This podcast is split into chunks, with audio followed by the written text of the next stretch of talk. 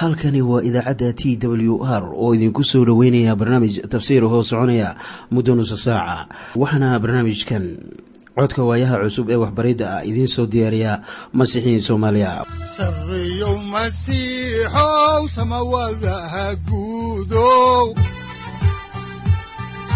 Siraadkii adduunkow subanaha eebow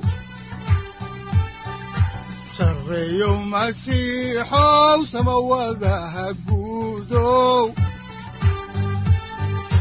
siraadkii adduunkow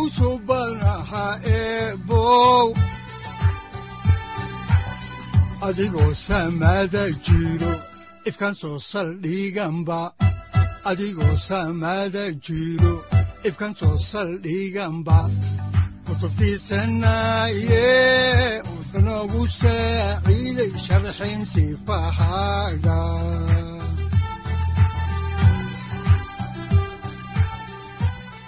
ku soo dhowaada dhegaystayaal barnaamijkeenna dhammaantiinba. Waxaan horay u sii ambaqaadi doonnaa daraasaadkii la magac baxay baibalka dhammaantii. Waxaannu caawa idiin sii wadi doonnaa barashada kitaabka falimaha rasuullada kitaabka falimaha rasuullada waa kitaab taariikhi ah oo ay tahay in qof waliba wax uu ka barto si uu ku garto taariikhda kitaabka axdiga cusub. Waxaanan caawa idiin sii wadi doonnaa cutubka siddeed iyo labaatanaad oo aannu uga gudbi doonno horudhaca kitaabkii samuel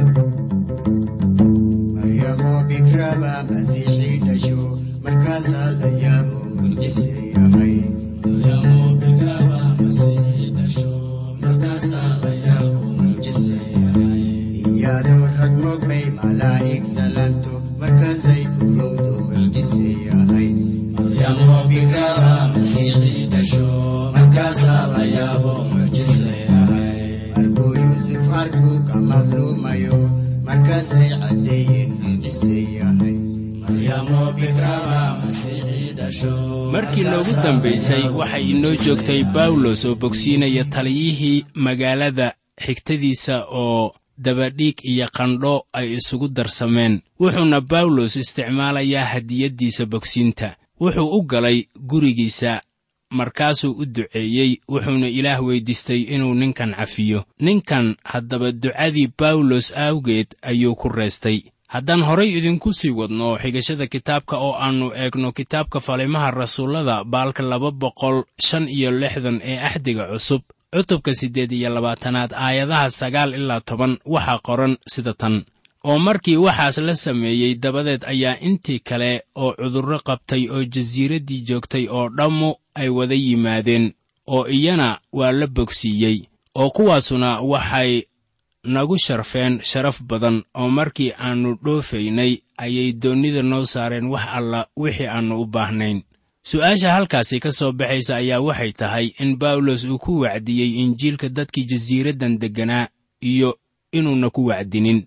Waxaa haddaba jira dad rumaysan inuuna bawlos ku wacdiyin farriinta dadkan oo ay tahay meesha keliya ee aannu bawlos hadalka ku wacdiyin. Haddaba markaan soo gaarno xaaladahan oo kale ayaa waxaa muhiim ah inaan isticmaalno xikmadaheenna.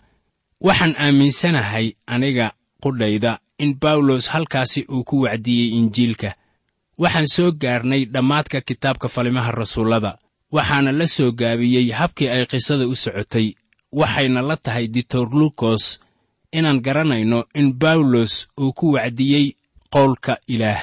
Waayo mar waliba wuxuu inoo sheegayey inuu hadalka wacdiyi jiray bawlos rasuul bawlos waxaa lagu yaqaannaa inuu wararka soo gaabiyo waxaanan taasi ka ogaanaynaa sida ku qoran warqaddii koowaad ee rasuul bawlos uu u qoray dadka korintos cutubka labaad aayadda labaad oo leh waayo waxaan goostay inaanan waxba dhexdiinna ka ogaan ciise masiix oo ah kan iskutallaabta lagu qodbay maahee mar kasta ee rasuul bawlos wax uu bogsiinayo wuxuu dadka ku wacdi jiray injiilka si ay ku gartaan in awooddu ay ka imaanayso kan uu ku wacdinayo mucjisaduna waa runta ka dambaysa hadalladii uu ku wacdiyey. Waxaan u malaynayaa in gunaanadka uu noqonayo in bawlos uu sameeyey wixii uu ka samayn jiray meel walba ee uu tago. Waxaana weeye in hadalka uu ku wacdiyo. Waxaan iminkana arkaynaa in safarku uu sii soconayo oo ay ku sii jeedaan dalka rooma haddaan horay idinku sii wadno xigashada kitaabka oo aan eegno kitaabka falimaha rasuullada cutubka siddeed iyo labaatanaad aayadda kow iyo tobanaad ayaa waxaa qoran sida tan. Saddex bilood dabadeed waxaannu ku dhoofnay doonni iskandariya ka timid oo wakhtigii qabowga jasiiraddii joogtay taasoo summaddeedii ay ahayd walaalihii mataanaha ahaa. Maadaama rasuul bawlos uu joogi jiray meletas ilaa iyo saddex bilood waa wax muuqda in bawlos si weyn hadalka uu ugu wacdiyey. Mana ahan inaan aayadaha yar ee inta yaalla aawadood aynu ku go'aaminno in bawlos aannu ku wacdiyin magaca rabbi ciise masiix. Waa hubaal in bawlos dadka uu ku wacdiyey injiilka. Haddaba asnaanta doonnida u qaadaysa dalka rooma ayaa waxay tahay walaalaha mataanaha ah waxaana micnaha ka dambeeya uu noqonayaa in mataanaha la sheegay ay ahaayeen ilaahyo ay reer rooma caabudi jireen wakhtigaas. Haddaan horay idinku sii wadno xigashada kitaabka oo aan eegno falimaha rasuullada cutubka siddeed iyo labaatanaad aayadaha laba iyo toban ilaa saddex iyo toban waxaa qoran sida tan.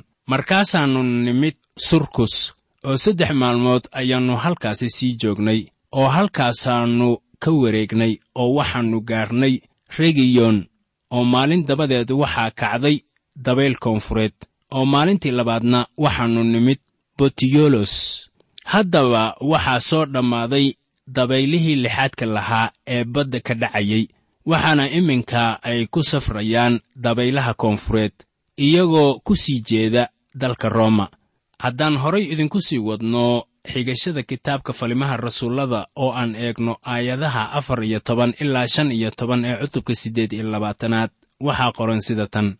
Oo halkaas waxaan ka helnay walaalo oo waxay naga baryeen inaan toddoba maalmood iyaga la sii joogno oo sidaas ayaan dalka rooma ku nimid.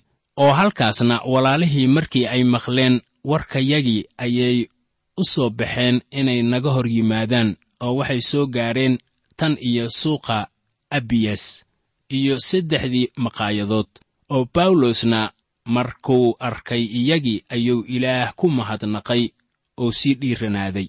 Iminka bawlos wuxuu soo gaaray abiyus waxaanan mar kale arkaynaa sida walaalaha rumaystayaasha ah ay u qadarin jireen rasuul bawlos haddaan horay idinku sii wadno xigashada kitaabka oo aan eegno maaddada ah bawlos oo iminka soo gaaray dalka rooma waxaan idinka akhrinaynaa cutubka siddeed iyo labaatanaad aayadda lix iyo tobanaad waxaana ku qoran sida tan oo markii aannu rooma galnay ayaa bawlos waxaa loo oggolaaday inuu keli ahaantiis u joogo isaga iyo askarigii dhowrayey bawlos sida abbaarta ah waxaa la siiyey xorriyad oo keligiis guri ugu noolaado.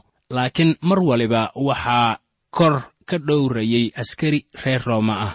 Waxaanay u muuqataa in askarta dhowraysay ay isku beddeli jireen oo nin u go'naa inuu ilaaliyo uusan jirin. Haddaan horay idinku sii wadno xigashada kitaabka oo aan eegno aayadaha toddoba iyo toban ilaa labaatan ee cutubka siddeed iyo labaatanaad ee falimaha rasuullada waxaa ku qoran sida tan oo waxay noqotay in saddex maalmood dabadeed uu isugu wada yeedhay kuwii yuhuudda ugu waaweynaa oo kolkii ay u yimaadeen ayuu ku yidhi iyagii walaalayaalow anigu inkastoo aanan wax xumaan ah ku samayn dadkii ama caadooyinkii awoowayaasheen toona haddana anoo maxbuus ah ayaa waxaa layga soo waday yeruusaalem oo waxaa la ii gacan geliyey reer rooma.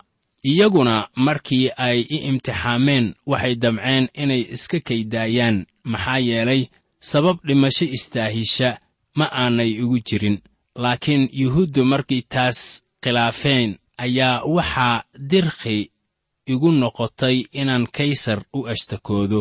Taasuna ma ahan inaan haystay wax aan quruntayada ku dacwaynayo sababtaas daraaddeed ayaan idin yeedhay inaan idin arko oo aan idinla hadlo.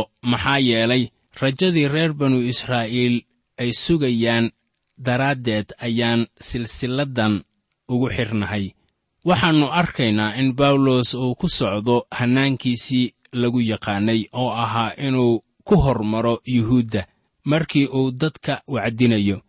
Wuxuuna u sharaxay wixii loo keenay dalkan rooma. Haddaan horay idinku sii wadno xigashada kitaabka falimaha rasuullada cutubka siddeed iyo labaatanaad aayadaha kow iyo labaatan ilaa afar iyo labaatan waxaa qoran sida tan.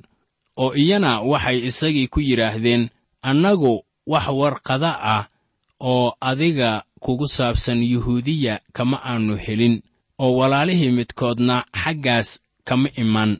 Noomana soo sheegin ama kaagama soo warramin xumaato laakiin waxaannu jeclaan lahayn inaannu kaa maqalno waxaad u malaynaysid. Maxaa yeelay xagga dariiqadda waxaannu ka ognahay in meel walba ka gees ahaan lagaga hadlo oo intay maalin ka ballanqaadeen ayay hooygiisii ugu yimaadeen iyagoo tiro badan oo isna xaalkii aad buu ugu sii caddeeyey oo u marag furay boqortooyadii ilaah oo wuxuu iyagii ku waaniyey wax ciise ku saabsan oo ku yaalla sharciga nebi muuse iyo nebiyadiiba tan iyo aroortii ilaa fiidkii oo qaar baa rumaystay waxyaalihii lagu hadlay qaar kalena way rumaysan waayeen waxaannu inta ku arkaynaa in rasuul bawlos la siiyey xorriyad isagoo weliba maxbuus ah. Sida abbaarta ah dad badan ayaa gurigiisa yimid. Waxaase mar waliba kor ka eegaya askari reer rooma ah. Mar kale ayaannu ku arkaynaa in bawlos uu soo xiganayo axdigii hore si uu yuhuudda ugu adkeeyo rumaysadka ciise masiix. Haddaba sida mar waliba dhacda dadkii maqlay ayaa qaarna ay rumaysteen farriintiisii qaarna ayaan rumaysan. Haddaan horay idinku sii wadno xigashada kitaabka falimaha rasuullada oo aan eegno cutubka siddeed iyo labaatanaad aayadaha shan iyo labaatan ilaa kow iyo soddon waxaa qoran sida tan. Oo intay dhexdooda ka heshiin waayeen ayay kala tageen. Bawlose wax keliya ayuu ku hadlay isagoo leh ruuxa quduuska ah si hagaagsan ayuu uga dhex hadlay nebi isaayos markuu awoowayaashiin la hadlay uu ku yidhi adigu dadka u tag oo waxaad ku tidhaahdaa maqal baad ku maqli doontaan mana garan doontaan. Idinkoo arkaya waxbaad arki doontaan idinmana dhaadhici doonto. Waayo dadkan qalbigoodu waa qallafsanaaday oo dhib bay dhegahooda wax ugu maqlaan. Indhahoodana way isku qabteen si aanay indhaha wax ugu arkin oo dhegaha wax ugu maqlin oo qalbiga wax ugu garan si aanay u soo noqon oo aanan u bogsiin. Haddaba idinku waxaad ogaataan in badbaadadan ilaah loo soo diray dadka aan yuhuudda ahayn oo iyaguna way maqli doonaan oo markuu waxyaalahaasi ku yidhi ayaa yuhuuddii ay iska tageen iyagoo isla murmaya. Oo laba sannadood oo dhan ayuu iska degganaa hooy ou isagu kiraystay oo kulli intii u soo gashay oo dhanna uu soo wada dhoweeyey oo isagoo aad u dhiiran ayuu wuxuu ku wacdiyi jiray boqortooyada ilaah wuxuuna beri jiray waxyaalaha ku saabsan rabbi ciise masiix. Cidnana uma diidin. Kitaabka falimaha rasuullada wuxuu inoo sheegayaa bilowga dhaqdhaqaaqi injiilka isagoo ku sii fidaya dhulka darafyadiisa waxaad xusuusataa in beertii ceedan uu abkow aadan ilaah ka shakiyey taasina ay keentay addeecisdarro sida markaa ilaah loogu noqonayo waxa weeye iyadoo isaga la rumaysto waa in lala yimaado addeecis rumaysad leh. Sida bawlosba uu inoogu sheegaya warqaddii uu reer rooma u qoray cutubka koowaad aayadda shanaad. Markaana waxaannu arkaynaa in maalintaasi ay dad rumaysteen injiilka kuwana ay diideen. Kitaabka falimaha rasuullada wuxuu ku soo xirmayaa bawlos oo dadka ku wacdinaya wax ku saabsan boqortooyadii ilaah oo dadkana baraya waxyaalaha ku saabsan sayid ciise masiix iyo rumaysadka ilaah. Qorniinka halkan kuma dhammaan ruuxa quduuska ah ayaa weli howl ka dhex wada dadka. Falimaha ruuxa quduuska ah weli sooma idlaanin xitaa maanta kitaabka falimaha rasuullada wuxuu soo dhammaanayaa marka ciise masiix hawada lagula kulmo marka uu u imaanayo kuwiisa hawsha kiniisadda weli lama soo dhammayn waana qiso weli sii socota. Haddaba waxyaabaha aynu aniga iyo idinkuba aad ka garanaysaan awoodda ruuxa quduuska ah ayaa lagu soo darayaa qoraalka. Inkastoo haddii kitaab laga dhigo aan ninna wada akhriyi karin laakiin masiixa hortiisa ayaa la dhigayaa hawsha. Macnuhuna waa sidaas. Waxaannu iminka soo gaarnay dhegaystayaal kitaabkii koowaad ee samuel oo aynu ku bilaabayno horudhaca kitaabkan. Kutubbada uu qoray samuel ayaa waxaa lagu sheegaa inuu isku hal kitaab yahay. Marka la eego sharciyada yuhuudda innaguna waa inaan sidaasi u qaadanno. Markaan eegno qoraalka baibalka ee ku qoran luqadda laatiinka ayaa kitaabkan koowaad ee samuel lagu sheegaa inuu yahay kitaabka ugu horreeya ee afar kitaab oo ka hadlaya boqorrada israa'iil. Marka la eego cinwaanka kitaabka ayaannu arkaynaa in samuel lagu magacaabay labadan kitaab ee taariikhiga ah marka taasuna kama dhigno in samuel uu yahay qoraha. Inkastoo aynu rumaysannahay inuu isagu qoray badanaa kitaabkan ugu horreeya waxaana uu ka hadlayaa ama ku qoran inuu isagu ahaa kii caleemo saaray boqor saa'uul iyo boqor daa'uud. Samuel waxaa la aqoonsan yahay inuu isagu qoray kitaabkan koowaad ilaa iyo cutubka shan iyo labaatanaad oo qaybihiisa dambe lagu qoray dhimashadii samuel sida abbaarta ah naataan iyo gaad ayaa waxay soo gebagabeeyeen qorniinka kutubtaas. Waxaanan taasi ka ogaanaynaa markii aynu akhrinno kitaabkii koowaad ee samuel cutubka tobanaad aayadda shan iyo labaatanaad. Waxaa kaloo aad ku arkaysaa taariikhihii koowaad cutubka sagaal iyo labaatanaad aayadda sagaal iyo labaatanaad. Kitaabka samuel waxaa ku qoran qisooyin caan ah. Waxaa ku qoran markii koowaad ee reer banu israa'iil ay boqor yeeshaan. Waxaa kaloo ku qoran taariikhdii xanaah iyo wiilkeedii yaraa ee samuel ahaa. Waxaa kaloo kitaabkan ku qoran qisadii nebi daa'uud iyo goliyaath iyo saaxiibtinimadii aan caadiga ahayn ee xaddhaafka ahayd ee dhex martay daa'uud iyo yonatan waxaa kaloo ku qoran qisada ku saabsan booqashadii saa'uul uu ugu yimid haweenaydii wax sii sheegi jirtay ee reer cayndoor kitaabkii labaad ee samuel ayaa waxaa ku qoran qisada ugu weyn ee caanka ah ee ku saabsan axdigii ilaah oo la dhigtay nebi daa'uud ugu dambayntiina waxaannu arkaynaa qoraalka ku saabsan dembigii weynaa ee daa'uud kadib markii uu ka macsiyaystay betsheba iyo caasinimadii wiilkiisii absalom haddaba waxaannu kitaabka xaakinnada ku soo aragnay in ilaah uu isticmaali jiray dad aan awood lahayn oo itaal daran kuwaasoo badankood lahaa iin. Haddaba qisooyinkaas innaga ayay ina siinayaan maanta qalbiqaboojin waa kuweennan itaalka darane.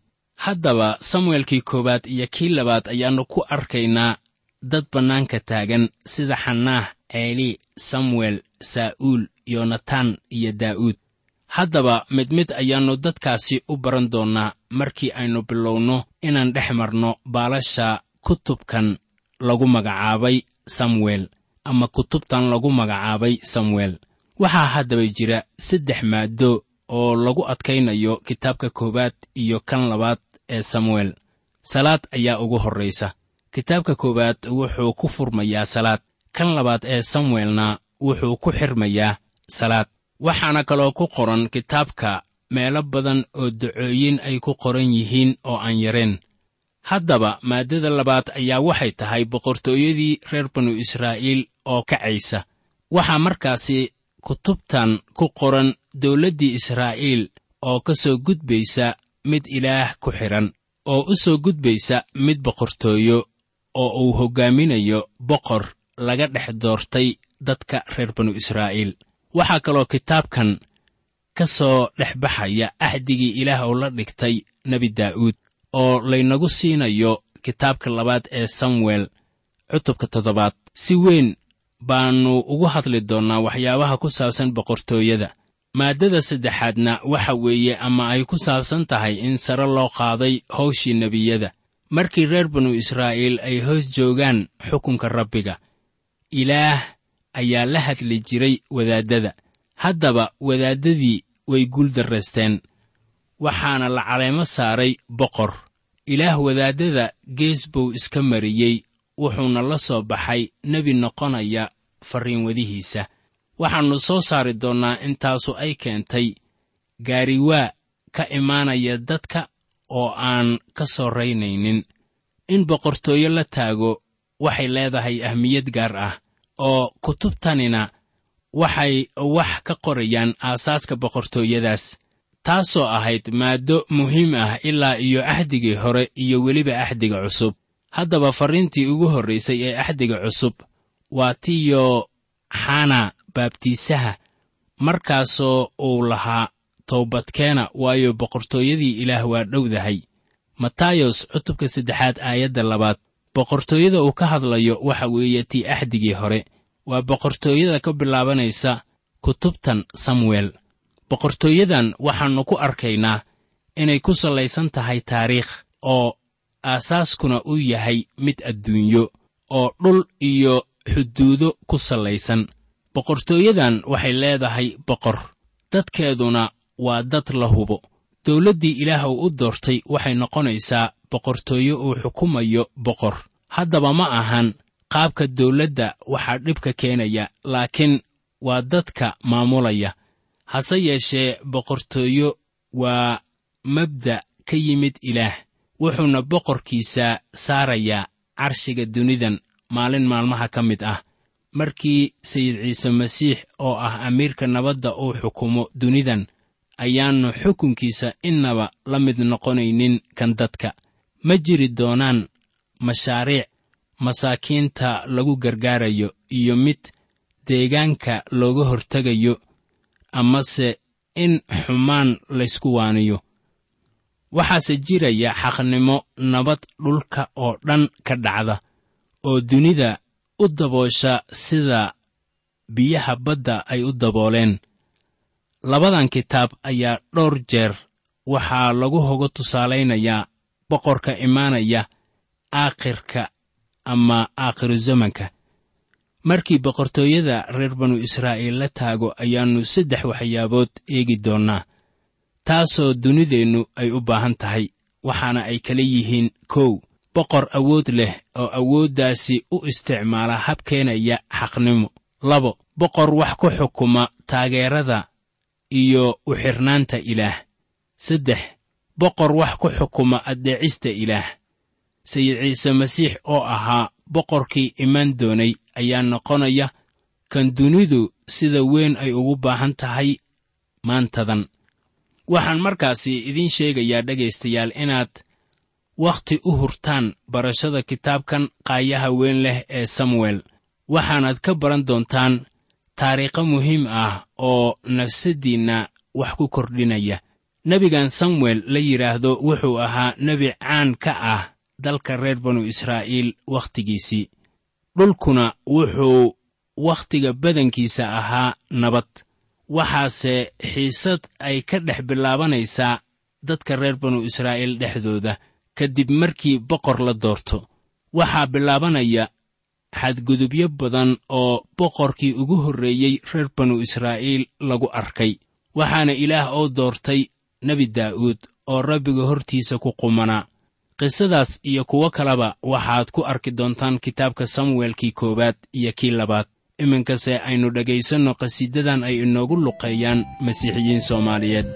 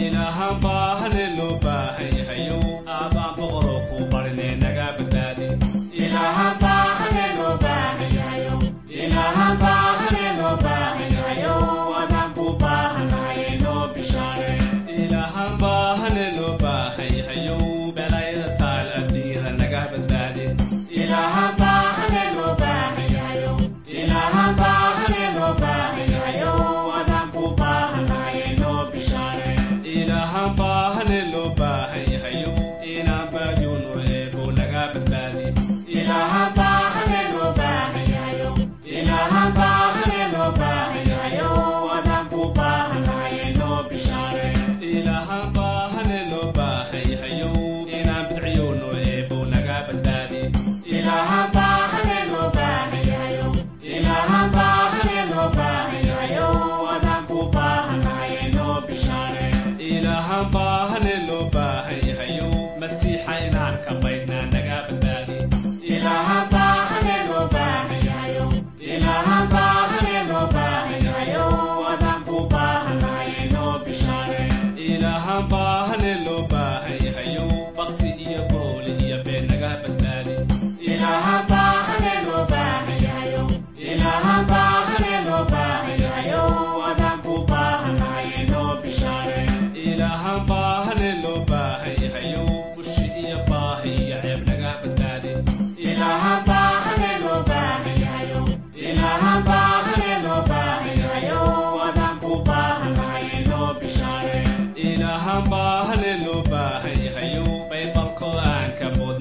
boodnaa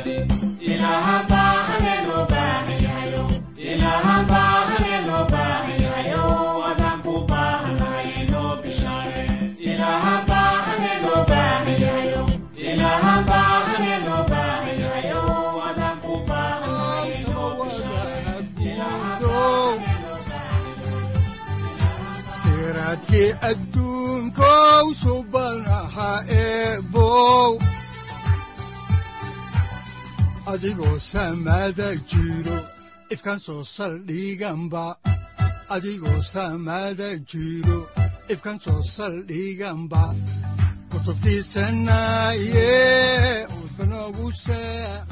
halkani waa t w r idaacadda t w r oo idinku leh ilaa ha idin barakeeyo oo ha idinku anfaco wixii aad caawi ka maqasheen barnaamijka.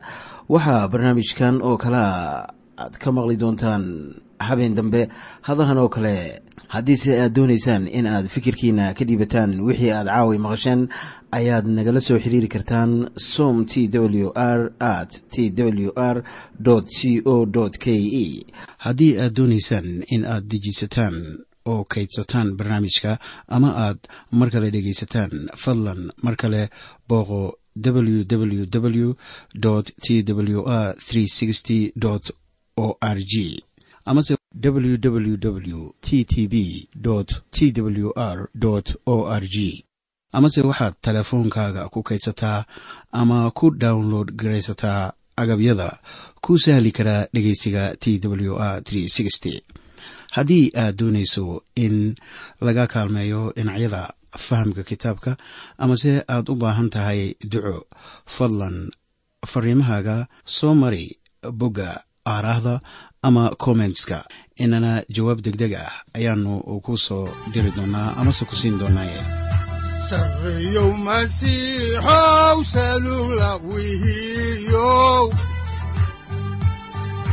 saacadda timid dhulka sabada ku dhalatiyo